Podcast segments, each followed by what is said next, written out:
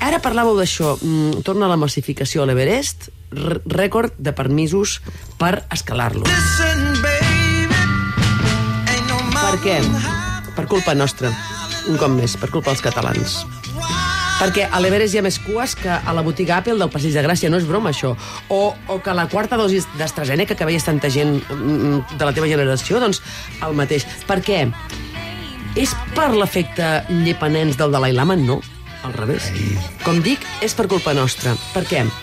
Perquè resulta que ara s'han posat unes tanques al Carmel, al refugi antiaeri. Per què? Perquè els guiris hi anaven a fer botelló mentre es ponia el sol. Que anar a veure com es pon el sol és una cosa que només fas quan no ets a casa teva. Tu a casa teva? No, no, no, no dius, què? No, no, quin rotllo. Em, em quedo mirant el Barça. Però si estàs fora, et fa il·lusió. Ai, anem a veure la posta de sol. Per exemple, la gent va a Sunion, eh, paga una entrada, li prohibeixen entrar llaunes, això és important, i, i, i patates fregides, i va allà, jo ho he fet, eh, recita el poema de Carles Riba, i pensa en el Mar Egeu i la llegenda. I aquí poso un asterisc. Si tinc temps, diré una cosa al Mar Egeu i la llegenda. Si no, no. Al Carmel, no. Al Carmel tu vas cap allà, perquè han sortit a Instagram, i han tancat, però el Guiram s'ha posat allà al costat. És a dir, et posen una tanca, com a les gallines, doncs et poses a la del costat. És a dir, el que no ha pogut anar-hi, per això ha dit, doncs calla, me'n vaig a l'Everest. O sigui, si, si em tanquen el Carmel, me'n vaig a l'Everest, perquè pujar, puja igual. Algú dirà que no, que l'Everest puja més. Per tots aquests, faré una cosa que és molt incorrecta, que és recomanar un llibre passat Sant Jordi. Ho sento molt. Home, escolta'm. Perdoneu-me, perdoneu-me, perdó, perdó, perdó. no, no, no, perdó, no. perdó, perdó. Irene perdó. Solà, Irene Solà, treu llibre post Sant Jordi, a més el presenta aquí al, al, al matí de Catalunya Ràdio. Oh, però, però no per la campanya de Nadal, sinó ara. Ara? Que fort. Aquesta setmana em sembla que visita al matí. Hi ha un acudit del New Yorker que és molt divertit, que és una persona que està a la platja llegint Guerra i Pau i ve la policia i li diu perdoni, però aquest no és un llibre d'estiu, haurà- vostè està detingut, per, per exemple. Doncs ara vaig, eh, vaig a mm, recomanar-vos un llibre, eh, tot i que ha passat Sant Jordi, eh, eh, basat en la, el que estem explicant. La febre del cim, de John Krakauer.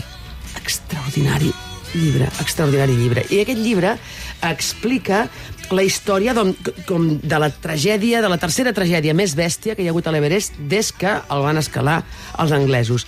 Era el 10 de maig del 1996 i John Krakauer, que és periodista, i ho era llavors, eh, va rebre un encàrrec de la revista Outside.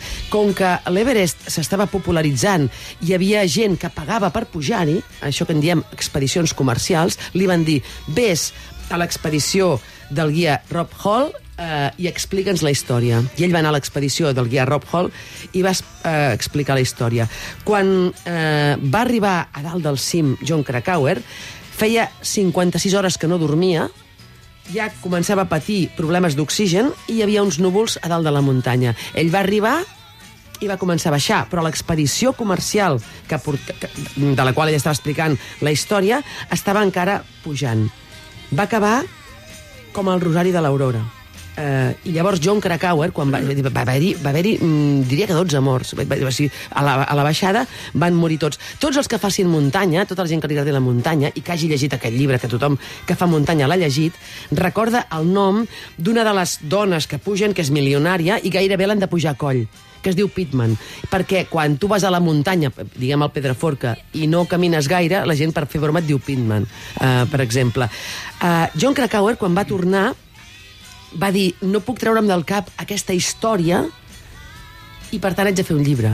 Va fer el llibre, i llavors se n'han fet molts de llibres. Uh, bé, el, el, el guia Rob Hall va morir, però uh, hi havia tres expedicions allà. Uh, tots han fet uh, uh, històries, històries, històries. I John Krakauer va dir, jo em pensava que em trauria l'Everest del cap explicant això, però evidentment no ha estat així. És un llibre que si el comenceu no podreu parar, no podreu parar, no podreu parar de llegir.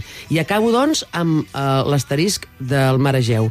Eh, per què es diu eh, Mar Egeu? Perquè el rei Egeu va enviar el seu fill a una guerra, d'aquestes que feien els grecs, i li va dir, nen, si guanyes, posa les veles negres, eh, posa les veles blanques a, la, a les barques, que jo sabré que has guanyat. Si vens amb les veles negres, sabré que has perdut.